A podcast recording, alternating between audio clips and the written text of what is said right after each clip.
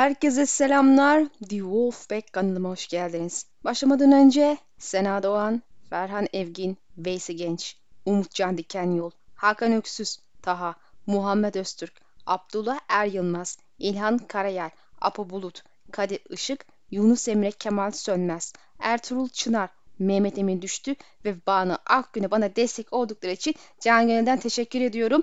Köle Körfezi'nden sonra yeterince dinlendiğinizi farz ederek artık ET'ye ve ötesine gidebiliriz ama ilk önce kartı uğrayıp biraz ikmal yapacağız. O sırada da size şehri gezdireceğim.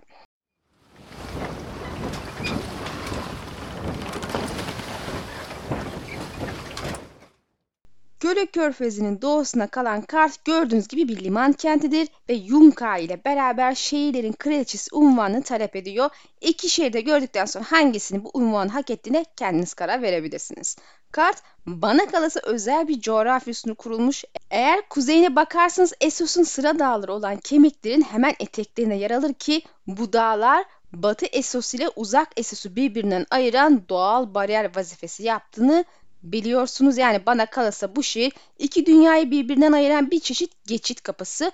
Karadan ilerliyorsanız geldiğiniz yöne göre önce ya Köle Körfezi'ni ya da Dotrak Denizi'ni geçtikten sonra kuzu adamların bölgesi olan Lazar'ı ve ardından da Kızıl Boşluk Çölü'nü geçerek gelmeniz gerekir ki Kal Drogo'nun ölümünden sonra geriye kalan Kalasarı ile Deni'de tam olarak bunu yapmıştır. Bu sebeple oldukça zorlu bir yolculuğu göz önünde tutmanız gerekir. Bundan dolayı insanlar genelde deniz yoluyla buraya gelmeyi tercih eder. E şüphesiz denizin tüm tehlikelerine rağmen karadan daha güvenli. Eğer kartın daha güneyine denize bakarsanız ileride böyle Büyük Morak isimli bilinen en büyük adayı ve doğusuna da Kal isminde minik adayı görebilirsiniz. Karth bir çeşit geçiş kapısı demiştim çünkü şehir kendisini Yeşim Denizi'ne bağlayan Yeşim Geçidi'nin üstüne kurulmuş Dört ana seyahat rotası Kart'tan geçer. Batı yolu Karkaş'a, kuzey batı yolu West Koasar ve West Tolora'ya, doğu yolu ise Asapat'a çıkar.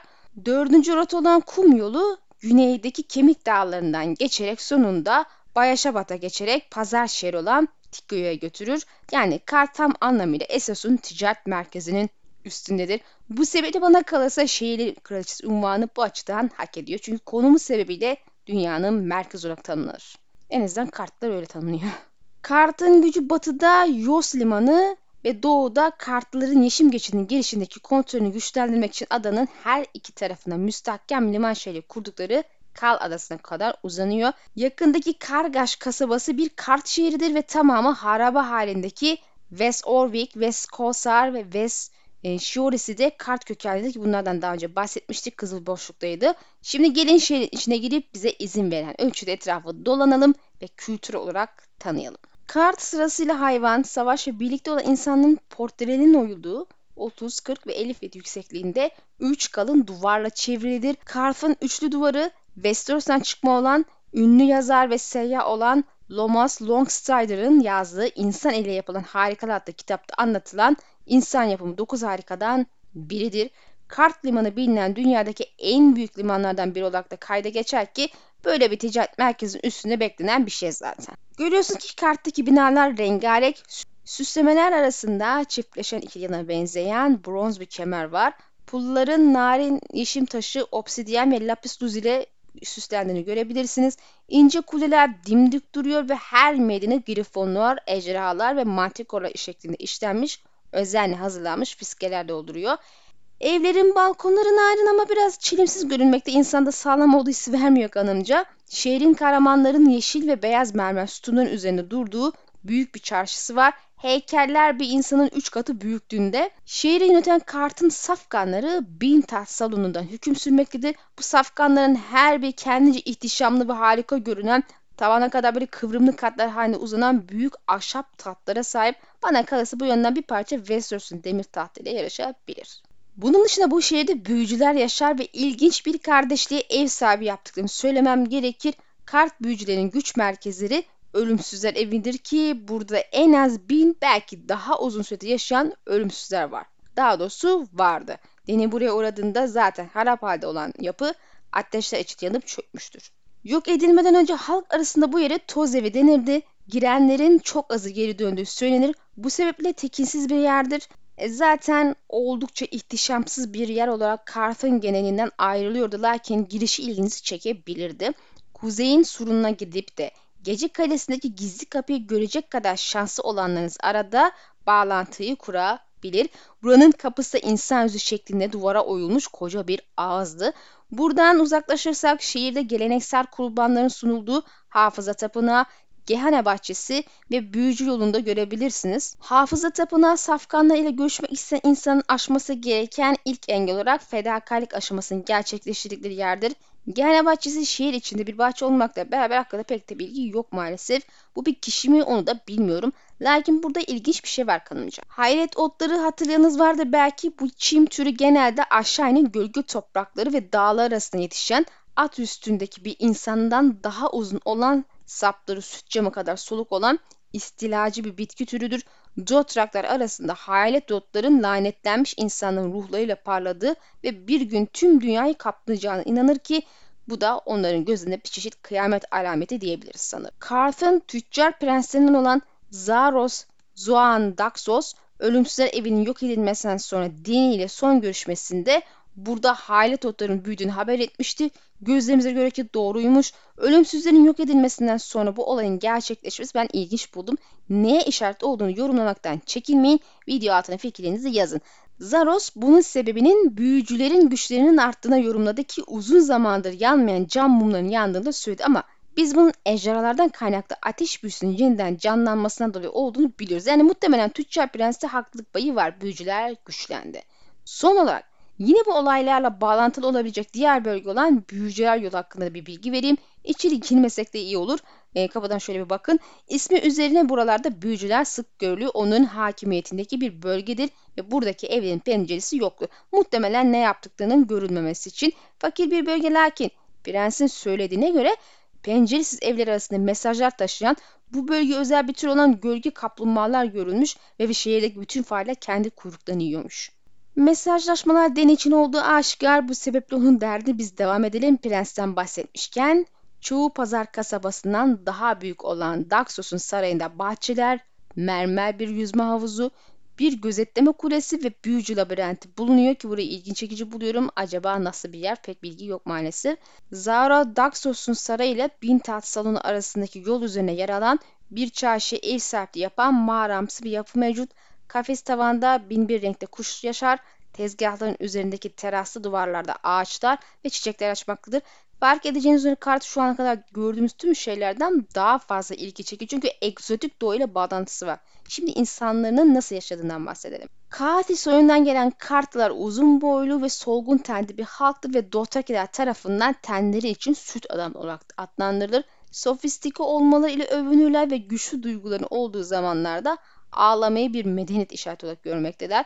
Bu sebeple böyle zırt pırt ağlarlar. Şüphesiz ağlamakta sorun yok da bu kadar sıklıkta ağlamak da insanda samimiyetsizlik oluşturuyor tabii ki. Kartlıların nezaketi hüzünlü adamlar olarak da bilinen kartlı suikastçılar loncasını kurbanlarını öldürmeden önce çok üzgünüm demesine kadar gider.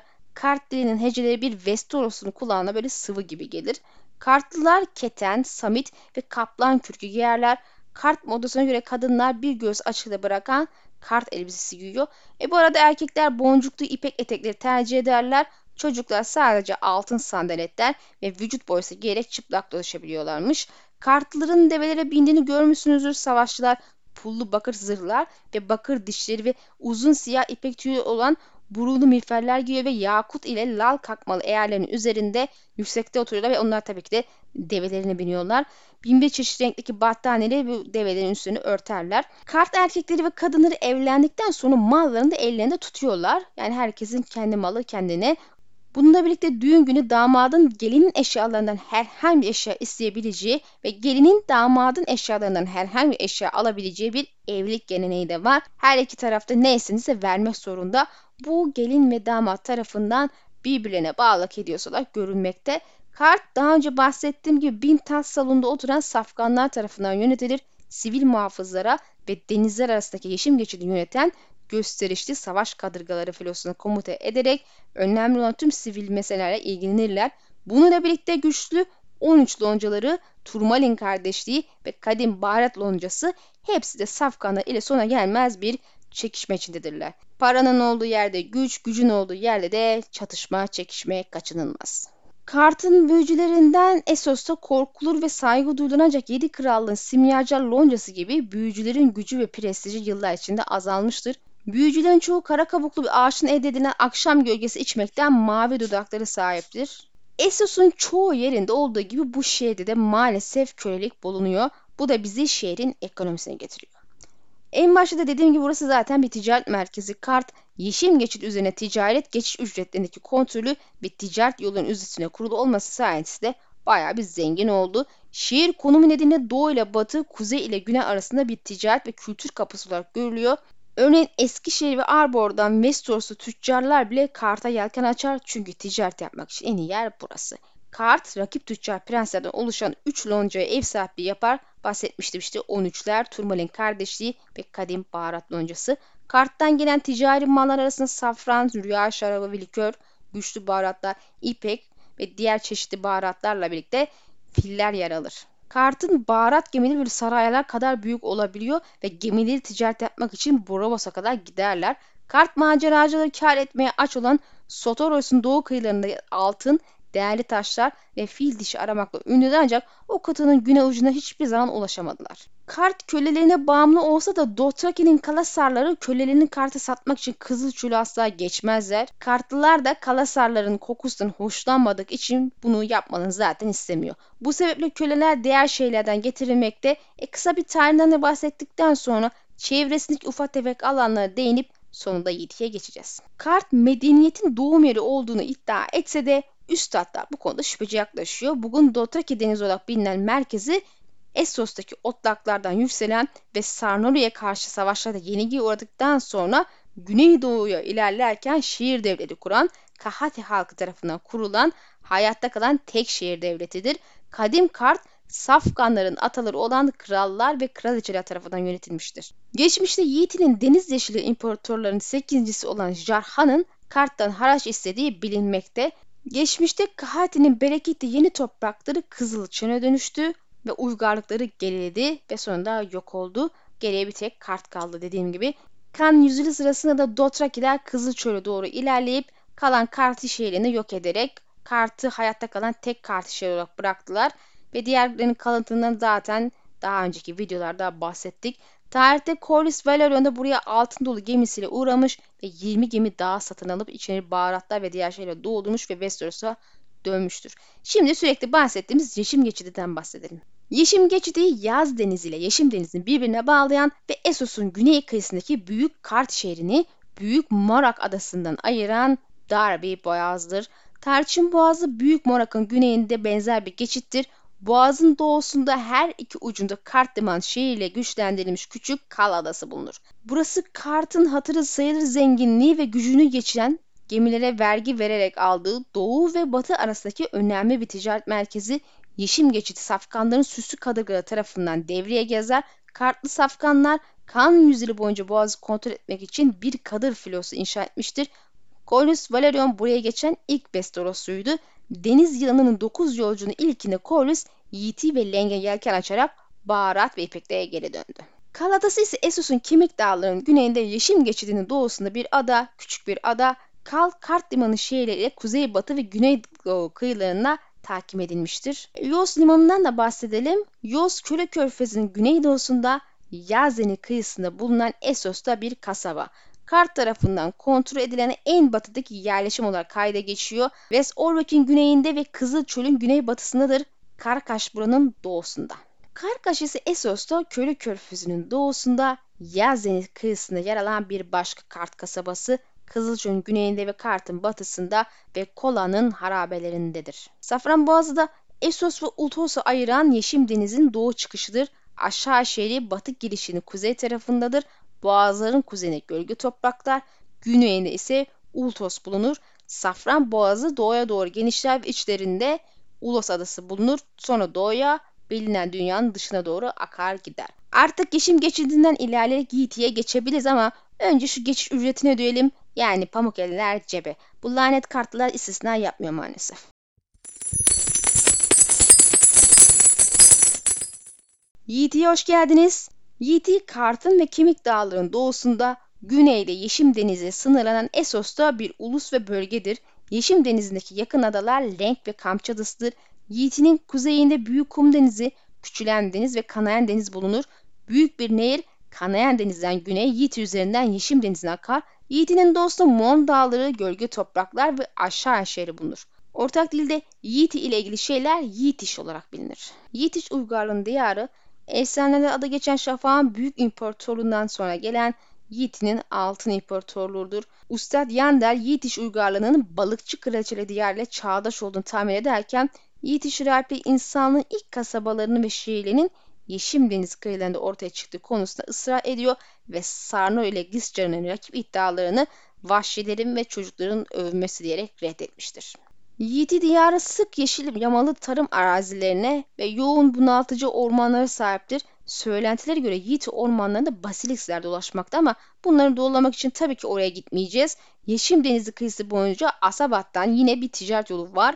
Beşkale İmparatorluğun kuzeydoğusunu gri boşluk çölünden gelen akıncılara karşı koruyor ki Körfez öncesi gezimizde bundan bahsetmiştim.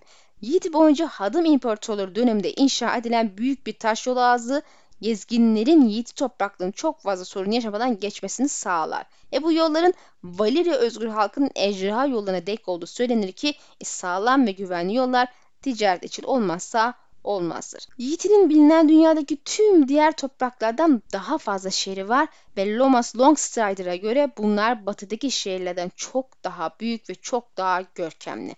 Azor Ahai hikayesinde kaleme alındığı Yeşim İncelemesi kitabının yazarı ünlü Volantis'in maceracı Kolokyo Votar'a göre her yetiş şehrin altına gömülü 3 eski şehir vardır ki bu da şehirlerin yıkılıp yıkılıp üstüne yenisini inşa edildiğini gösteriyor. Bana göre bu da Yiğit'in insanlığın ilk şehrinin kurulduğu yer iddiasını güçlendirmekte. Bana soracak kalırsanız zaten ilk insanlar buradan geldi. Zaten dikkat ederseniz bu bir ulus ismi de değil. Yani ulusların var olmasının önceye dayanan bir zamanda batıya yolculuk etmiş olmaları gerekir ki ilk insanlar demişler. Mesela Andallara da Andal deniyor çünkü Andal'dan gelmiş ve bu ulus ismi. E Şafak da tam olarak böyle bir döneme ait görünmekte. Yiğit'in altın imparatorluğu döneminde hüküm süren hanedana bağlı olarak birkaç şehir başkent olarak hizmet etti.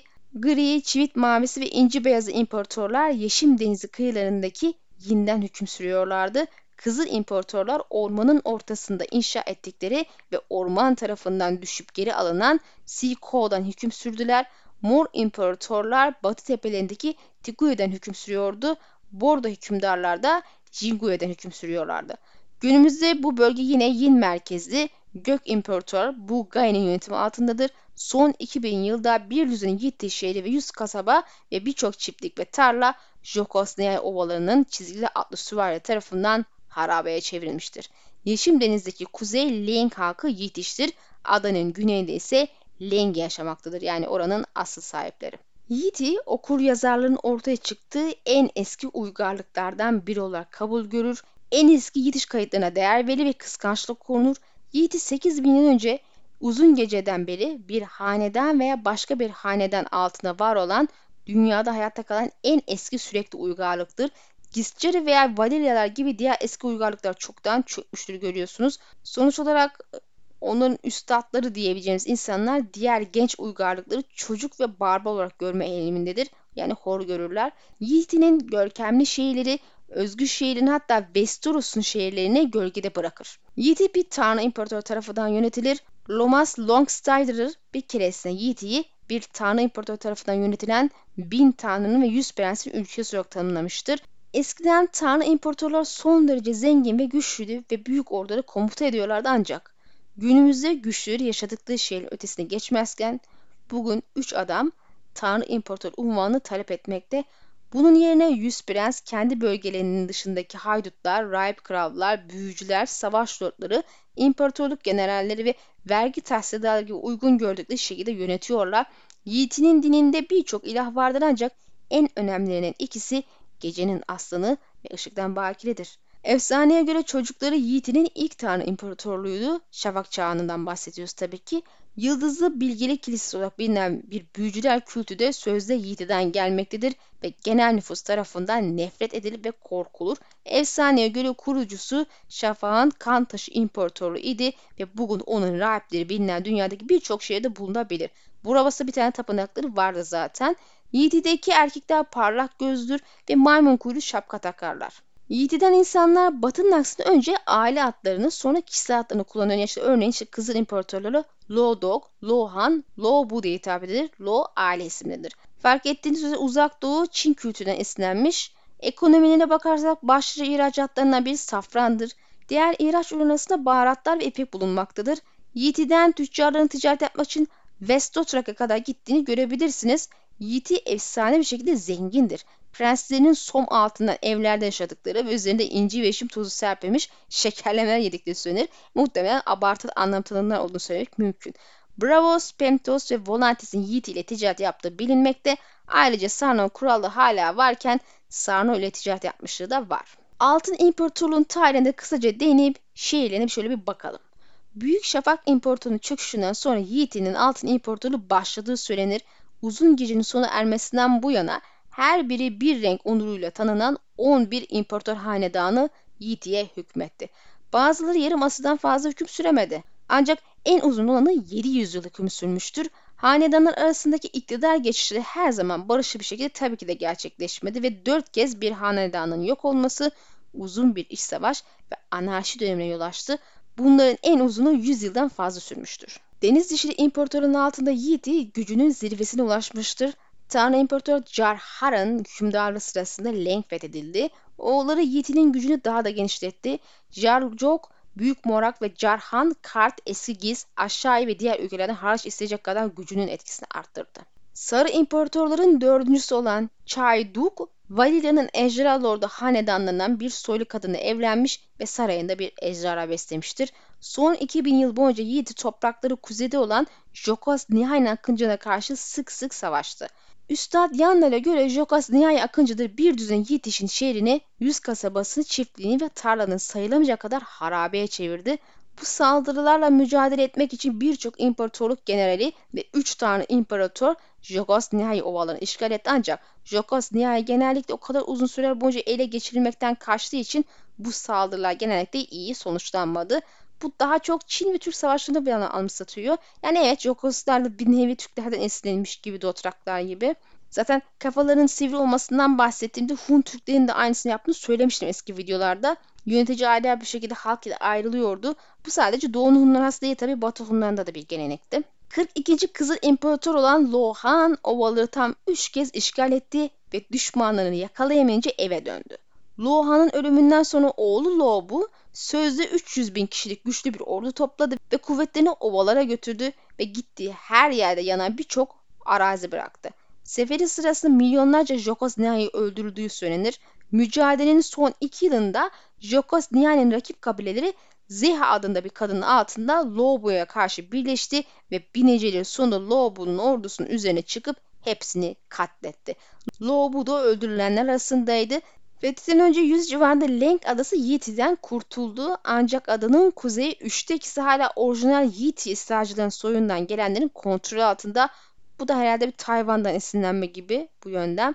9 büyük yolculuğun ilkinde Corliss Balearion Yeti ve Leng'e yelken açtı ve çok miktarda baharat, ipek ve yaşam taşıyla geri döndü. Bu da Valerion hanedanı bir süreliğine dünyanın en zengin ailesi yaptı. Dansa bulaşmasaydı muhtemelen bu zenginlik hala sürüyor olurdu. Günümüzde Yiğit'i 17. Gök İmparator Bulgari tarafından yeniden yönetiliyor. Bununla birlikte sahip olduğu güç eski Tanrı İmparator'la kıyasla zayıf ve Saklı Deniz'deki Karkosa'da 69. Sarı İmparator olduğunu iddia eden sürgün edilmiş bir büyücü lord yaşamakta. Ayrıca Palko adında bir general tüccar kasabasını başka olarak kullanarak kendisini turuncu imparatorun ilki olarak adlandırdı. Şimdi şehir ve kasabalara şöyle kısaca göz atıyoruz. Tüccar kasabası Essos'un doğusuna Kuzey Yiğiti'de bir şehirdir.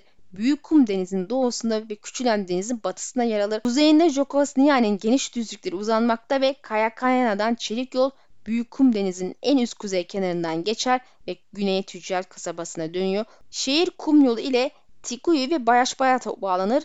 Garnizon şehri olan tüccar kasabası kendi kendine Turuncu İmparator ilhan eden Polko'nun merkezidir. Tikuyu bölgenin batı tepelerinde bulunan bir yiğit şehir. Şehir Büyük Kum Denizi'nin güneydoğusunda ve bir ticaret yolu muhtemelen kum yolu ile batıda Bayaşbayat'a ve kuzeyde tüccar kasabasına bağlanıyor.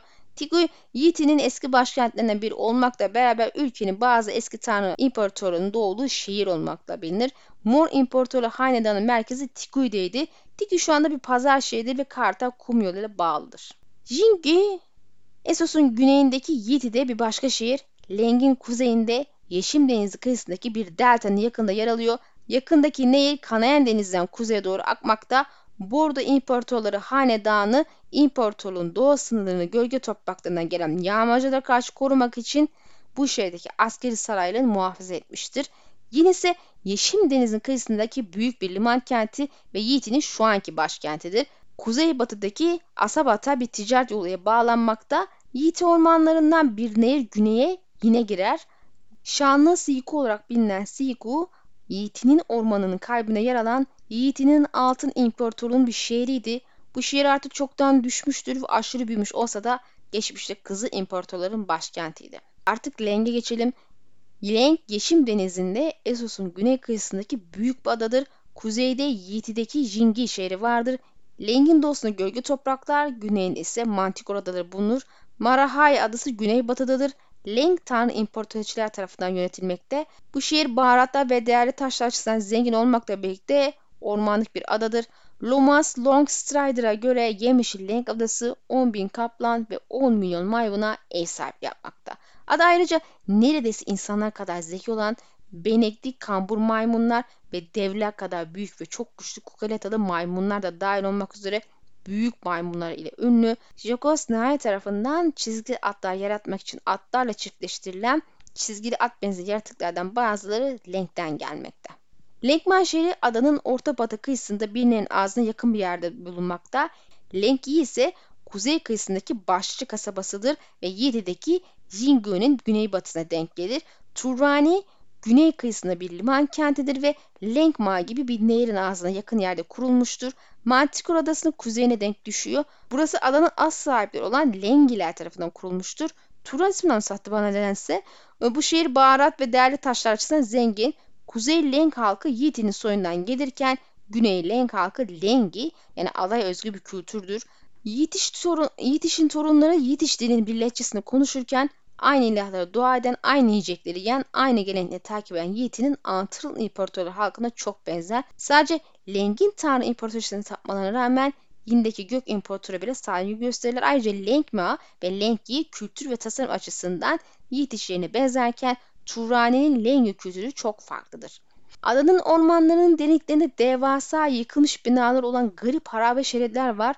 Binalar üstünde bitkiler o kadar büyümüş ki yalnızca molozlar görünmekte ancak yer altında geniş odalara açılan sonsuz tünel labirentleri, yüzlerce fit toprağa inen oyulmuş basamaklar var. Bu şehrin ne zaman ve kimler tarafından kurulduğunu kimse bilmiyor. Ve belki de soyu tükenmiş bazı insanlardan geriye kalan tek şey onlar. Leng, Leng zamanla kapalı bir ada olan iblislerin ve büyücülerin uğrak yeri olarak bilinmeye başlandı ama ne kadarı doğru bilmiyorum tabi. Yeraltı harabeline girenler genellikle delirilmiş ve buralara girmek ölüm cezasıyla karşılık bulmuş. Zaten girenin delirdiği bir yere girmek niye ölüm cezası gerektirir diye soracak olursanız bu harabelerde yaşadığına inanılan kadim olana isminde ilahlar yüzüne olduğunu düşünebilirsiniz. Bunlar söylenti ama yasak olduğuna göre burada yaşayan büyücüler söylentisi gerçek. Kendini ilah diye kakalıyorlar millete. Belki ölümsüzlere benzeyen tiplerdir bunlar. Lenge halkı yabancıları hoş karşılamadığı için Leng tarihinin büyük bir bölümünde izole bir adaydı. Adanın kaynaklarını toplamaya çalışanlar kötü bir sonu karşılaştı. Tam da bu sebeple denizce bu hataya mümkün mertebeye düşmemeye çalışır. Yiğitinin altın imparatorluğundan tüccarlar periyodik olarak Lengi'yi ticarete açmayı başarmışlardır. Bununla birlikte Yeşim incelemesi kitabına göre adanın yeraltı harabesinin altında yaşayan kadim olanlar Leng İmparatoriçesine en az 4 kez yabancı tüccarı öldürmesi talimatını vermiştir. Leng soyundan Yiğit'in 6. Deniz Yeşili İmparatoru Carhar tarafından burası fethedildi. Yeraltı şehirlerinin girişleri mühürlendi ve unutulmalı emredildi. Ardından artık katliam olmadı. Yiti adasının çoğu kolonişleri ve Leng'i güneydeki 3. bölgeyle sınırlı kalmıştır. Leng 400 yıl önce Yiğit'in yönetimini devirdi ve güç Tanrı İmparatoriçeliğe geri döndü. Bu imparatoriçelerden biri olan Büyük Kihara, Lengi ve Yiğit'i soyundan iki koca aldı ve birinin adanın ordularına, diğerinin filosuna komuta ettiği bir gelenek oluşturdu. Leng ve kadim olanlar Lovecraft'ın çalışmalarına bir gönderme olabileceği söyleniyor arkadaşlar. Evet arkadaşlar Yiğit'i bu kadardı. Şimdi de aşağıyı ve gölge toprakları bir uğrayalım. Gelmişken gezmeden gitmek yasak olur ama sizi uyarıyorum. Burada yemek yetişmez ve suyu içilmez. Bu sebeple bol miktarda yiyecek bir su tedariki yapmamız lazım. Yani pamuk eller tekrar cebe. Bunun için de kısa bir süre mantikor odasına uyuyalım.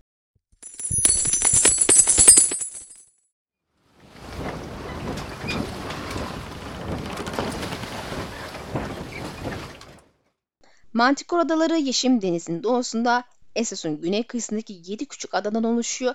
Lenk ve Marahay adaları sırasıyla kuzeyde ve batıdadır. Mantikor adalarının doğusunda aşağıya ve gölge topraklar var gördüğünüz gibi.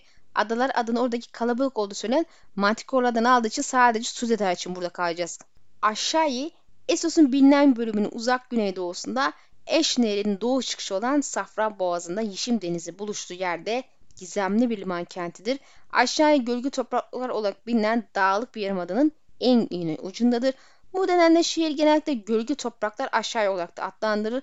Aşağıya gitmek gölgenin altından geçmek olarak tanımlanabilir ve gölge topraklar ile aşağı bölgesi bazen sadece gölge olarak anılır. Aşağıya Eşner'in her iki yakasında fersahlarca uzanır ve iddiaya göre büyük duvarları Volantis, Kart ve Kral toprakları ile Eskişehir'i bir arada içerebilir. Bununla birlikte aşağı nüfusu iyi büyüklükteki bir pazar kasabasından da fazla değildir. Geceleri 10 binadan sadece birinde ışık yanında söylenir. Dikkatinizi çektiği gibi şehir çok ilgi çekici bir özelliğe sahip arkadaşlar. Dikkatinizi çektiği gibi şehir çok ilginç bir özelliğe sahip arkadaşlar. Aşağı inin binaları, sokakları ve duvarları şehri karanlık ve kasvetli bir yer gibi gösteren, ışığı içiyormuş gibi görünen siyah taştan yapılmış. Yapılar arasında çarşılar, salonlar, kulübeler, saraylar ve tapınaklar bulunan komple şehir bundan yapılma. Bu da ejderhalar hatta kan taşı imparatorluğu ile bir bağlantısı olabileceğini düşünmeme sebep oluyor ki Azar Ahay hikayenin çıkış yeri olduğunu düşünülse haklı olabilirim. Aşağıya Yeşim Denizi'ndeki tüccar çevresinde bir parçası olan gemiler için popüler bir ticaret yeridir. Ancak Yiğit'i kadar önemli değil tabii ki. Kehribar ve ejderha camı gibi ürünleri ihraç eder. Ejderha camı burada bol miktarda var yani. Bazıları gölge topraklardaki altının orada yetişen meyveler kadar sağlıksız olduğunu söylese de altın ve değerli taşlarda yaygın ihraç ürünüdür. Şehre genellikle gemiyle gidilir ancak karadan kervanla da ulaşabilirsiniz. Tabi biz bu kadar maceracı olmadığımız için denizi kullandık. Westeros ve özgü şehirlerden aşağıya giden ticaret gemileri karttaki Yeşim geçidinden boğazlarla birbirine bağlanan Yaz Denizi ve Yeşim Denizi'nin üzerinden doğuya gider. Aşağıdan gelen kervanlar Westeros'a ulaşmak için Kemik Dağları'nı geçer. Tüccarlar dışında Westeros'tan çok az kişi aşağıyı ziyaret eder ve bu konuda çok az şey bilinmekte. Ünlü yazar ve gezgin Lomas Longstrider aşağı ile, ile ticaret yapan Yiti'deki tüccarlardan Kastari kayasının uçsuz bucaksız altınların orada bile meşhur olduğunu duymuş olmasına rağmen aşağı hiç seyahat etmemişti. Şehre getirilen hayvanlar kısa sürede öldüğünden ve aşın suları öğle güneşinin altında siyah parıldarken geceleri yeşil fosforlu bir ışıltıyla parıldadığından tüm yiyecek maddeleri ve tatlı su gemilerle getirilir.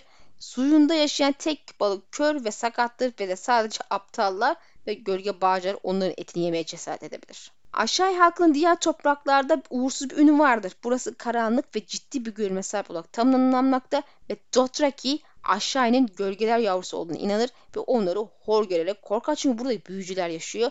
Batı ya da doğu fark etmiyor arkadaşlar. Büyücüler her yerde nahoş karşılanır. Aşağıda hiç çocuk yoktur.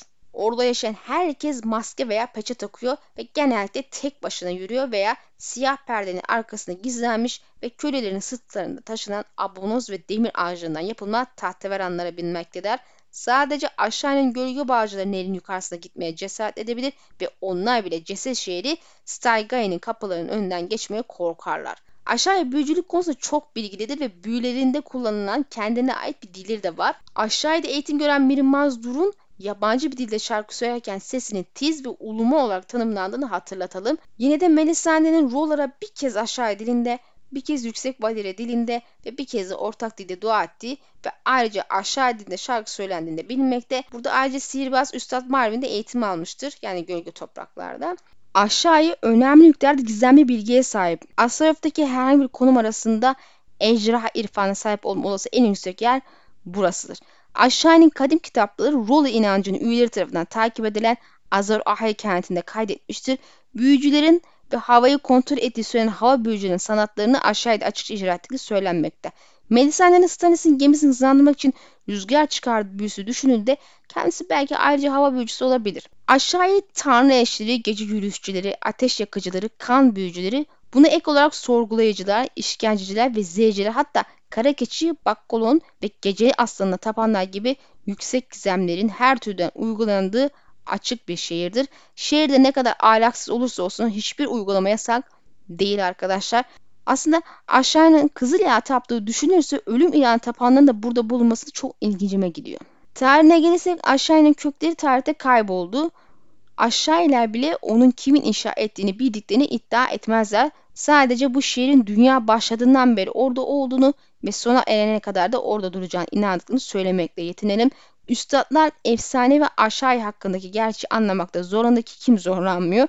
Az önce dediğim gibi çelişki benim bile kafamı karıştırmakta bazı konularda. Aşağıdan gelen metinler şafak çağından da bahsediyor. Şehirdeki yıllıklar uzun gece boyunca Azor Ahai'den bahseder ve eski kitaplar onun tekrar geleceğini iddia eder. Metinler ayrıca ejderhaların ilk olarak gölgede göründüğünü iddia ediyor. Bran'ın koma rüyasını hatırlarsanız bu doğru olabilir. Neticede ejderha camından da anlayacağınız üzere burada volkanlar olmakla beraber siyah taşla inşa edilmesi bile ejderhaları akla getirmekte. Belki de Şafak İmparatoru zamanında ejderhalar ilk burada evcilleştirildi ve kullanılmaya başlandı. Burası belki de büyü uygulamaları için bir merkez olabilir. Aşağıya yüzyıllardır gelişen bir liman olmuştur. Kan yüzyılından önce Sarno krallığından tüccarlar bile aşağıda ticaret yapıyordu. Yiğit'in deniz yeşili tanrı imparatorundan biri olan Jarhan hükümdarı sırasında aşağıdan haraç almıştı. Daha önce bundan bahsettim zaten. Kral 5. Aegon Targaryen aşağıda dahil olmak üzere uzak yerlerden ejderha ilmi aramak için seferler düzenlemiştir. Miri Mazdur da aşağıda eğitim aldı ve Jokos yani ay şarkıcısı Dothraki bir kadın, Üstad Marvin ve gölge topraklardan bir kan büyücüsü de buralardan ders almıştır. Şimdi çevre şehirleri ve gölge topraklarına geçebiliriz. Ulos ile başlayalım. Ulos, gölge topraklar ile Ultos arasındaki Safran Boğazı'nda dağlık bir adadır. Adanın kuzey kesiminde isimsiz bir harabe şehir yer almakta ve bilinen dünyanın en doğusundaki ada olarak kayda geçmektedir. Ultos ise uzak doğuda başka bir kıta olabilecek veya olmayabilecek bir kara kütlesi. Essos'taki aşağı ve gölge toprakların güneyinde ve Sotoros'un doğusunda yer alır. Gölge topraklardan Safran Boğazı ile ayrılmakta. Ulus Adası zaten bu Ultos'ta Essos arasındaki boğaza yer alıyordu. Burası hakkında konumu ve yoğun ormanlarla kaplı olması dışında Ulus'ta olduğu gibi çok az şey bilinmekte. Evet eğer şimdi cesaretiniz varsa sizi gölge topraklara götüreceğim. Korkanlar limanda kalsın. Gölge toprakları diğer adıyla gölge Essos'un uzak doğusundaki dağlık bir alan. Aşağı şehri gölge toprakların güneybatı ucunda yer almakta. Kuzey ve kuzeydoğuda da gölge topraklar Mon Dağları ile buluşmaktadır. Lake ve Mantıkır Adaları batıda Yeşim Denizi'nde yer alır. Gölgenin güneyinde Safranboğazı, Ulos ve Ultos şehri vardır. Eş Nehri Mon Dağları'ndan Yeşim Denizi'ne çoğunlukla Gölgeler Vadisi'nden geçer. Öyle der bir vadi ki burası öğle vakti dışında her zaman gölgede olduğu söylenen çok yüksek kayalıklarla dolu zaten biraz da bu yüzden gölge topraklar burası. Karttayken söylediğim gibi gölge topraklar boyunca hayalet ot yetişir. Dağlardaki kayalık mağaralarda yaşayan yaratıklar arasında iblislerin ve ejderhaların da olduğu söylense de gerçek mi muamma. Tabi ateş büyüsünün canlanmasından yola çıkarsak Deni'nin ejderhalarına kadar yeryüzünde ateş ejderhası olmadığını söyleyebilirim. Belki çok eskiden orada ejderha yaşamış olabilir tabi. Gölge bağlayıcıların bile korktuğu yıkık ceset şehri Saigai gölgenin kalbinde yer almaktadır. Gölge toprakların insanları olan gölge insanlar vücutlarını dövmelerle kaplamaları kırmızı lake ahşap maskara takmalıyla tanınmaktadırlar. Deni Kart'a geldiğinde zaten bir tanesiyle tanışmıştı. Aşağıdan gelen eski hikayelerin ejderhaların gölgeden geldiği söylediğini ifade etmiştim. Hatta ilk olarak burada Şafak İmparatoru zamanında evcilleştirilmiş olabileceğini de söylemiştim. Az önce bir gölge bağcısıyla konuştum. Onlar da zaten ejderhaların ilk olarak burada yaşadığını ama ismi unutulmuş eski bir halk tarafından evcilleştirdiğine inandıklarını söyledi. Şu Stygai'den de bakalım ama içeri girmeyeceğiz. Gölge bağcılığına bile girmekten korktu bir yere adım atacak kadar da delirmedim neticede. Gecenin şehri olarak da bilinen Stygai, Essos'un doğusundaki dağlık gölge topraklarında yıkık bir şehirdir. Şehir aşağının kuzey doğusundaki bir nehir vadisi olan Gölgeler Vadisi'ndeki Eş Nehri üzerinden yer alıyor. Stygai'nin peyli bir ceset şehri olduğu söylenir. İblisler ve ejderhalar gibi sapkın yaratıklar bu civarda yaşarmış ve gölge bağcılar bile buradan korkuyor. Stygay hakkında çok az şey bilinmekte. Bu adamın her gün öğle saatlerinde sadece kısa bir süre için güneş ışığını görmesinden kaynaklıymış. Tabi Muon dağlarından da bahsetmemek olmaz. Adı geçmişti. Muon dağları kabaca kuzeyden güneydoğuya doğru bir eğri çizgi çizer. Dağların kuzeybatısında Beş Kale ve Kanayan Deniz, kuzey doğusunda ise Kuru Derinlik ve Kansız Adamların şehirleri bulunmakta. Saklı Deniz ve iki şehir Kanatlı Adamlar şehri ve Karkosa dağların güneydoğu kesiminde yer almaktadır. Muon dağlarının batısında Yiğiti, güneyinde ise gölge topraklar vardır. Karkosa uzak doğu Esos'ta efsane bir şehirdir. Saklı Deniz'in güneydoğu kıyısında Muon dağlarının içinde yer alır. Kanatlı Adamlar şehri kuzeybatı kıyısında yer almakta ve Yiğit'inin 69. Sarı İmparatoru olduğunu iddia eden büyücü Lord da Karkosa'da sürgünde yaşamaktadır. Kuru derinlik ise uzak doğu Esos'ta yamyam kumları ve gri boşluğun güneyinde L şeklinde bir kanyon. Bu bölgenin kuzeybatısında Şarkes ülkesi ve Kadat ile birlikte doğudan batıya geniş bir şekilde uzanıyor. Hemen kuzeyinde vadeden gelen tuhaf yaşlı kemiklerin takas edildiği kemik kasabası yer alır. Batı ucunda kanyon, Mon Dağları'nın doğu tarafı boyunca dar bir şekilde güneye doğru uzanır. Kuru Dere'nin güneydoğusunda kansız adamların şehirleri var. Vadinin tamamen sudan ve yaşamdan yoksun olduğu söylenmekte. Burada insanlar nasıl yaşıyor bilmiyorum. Aşağı gibi her şeyi dışarıdan alıyor olabilir. Kansız adamların şehirlerinin Esos'un uzak doğusunda var olduğu söylenir. Sakinlerin kansız bir insan ırkı olduğundan bahsediliyor. Burası uzak doğu Esos'un ovalarında kuru derinliğin güneydoğusunda ve Mon Dağı'nın kuzeydoğusunda yer alır. Daha güneyde Saklı Deniz var. Gezginler şehirlerde ölüler kadar solgun insanla yaşadığını iddia ediyor. Diğerleri ise sakinlerinin kanları çekilmiş ve karanlık ayinlerle hayata döndürmüş cesetler olduğunu iddia etmekte. Oldukça ilginç iddialar olduğuna şüphe yok. Çok solgun ise kansız olduğunu düşünmenin doğaldır ve belki burada yaşayan insanlar birer white olabilir. Kanatlı Adamlar şehri ise uzak doğu Esos'ta bir başka efsane şehirdir. Saklı Deniz'in kuzeybatı kıyısında Mon Dağları'nın içinde yer alıyor. Karkosu güneydoğu kısmında yer almakta. Şehir sakinlerinin deri kanatları olduğu ve kartallar gibi uçabildiği söyleniyor. Eğer bu doğruysa izlemesi çok ilginç olur. Saklı Deniz uzak doğu Esos'ta Mon Dağları'nın güneydoğu uzantılarında yuvalanmış efsane bir deniz. Kanatlı Adamlar şehri Saklı Deniz'in kuzeybatı kıyısında Karkos ise güneydoğu köşesinde yer alır. Saklı Deniz'in güneybatısında gölge topraklar vardır ama başka da hiçbir bilgimiz yok. Şarkes ülkesi Esos'un uzak doğusunda bir ovadır. Batıda Kanayan Deniz, güneyde Beşkale ve Mon Dağları, doğuda Kemik Kasabası ve Kuru Derinlik ile kuzeyde Kadat ile sınırlanmıştır. Arazinin çığlık atan canavarların yaşadığı tehlikeli bir yer olduğu söylenir. Acaba burada büyücüler deney falan yapıyor olabilir mi diye aklıma şöyle bir gelmiştir.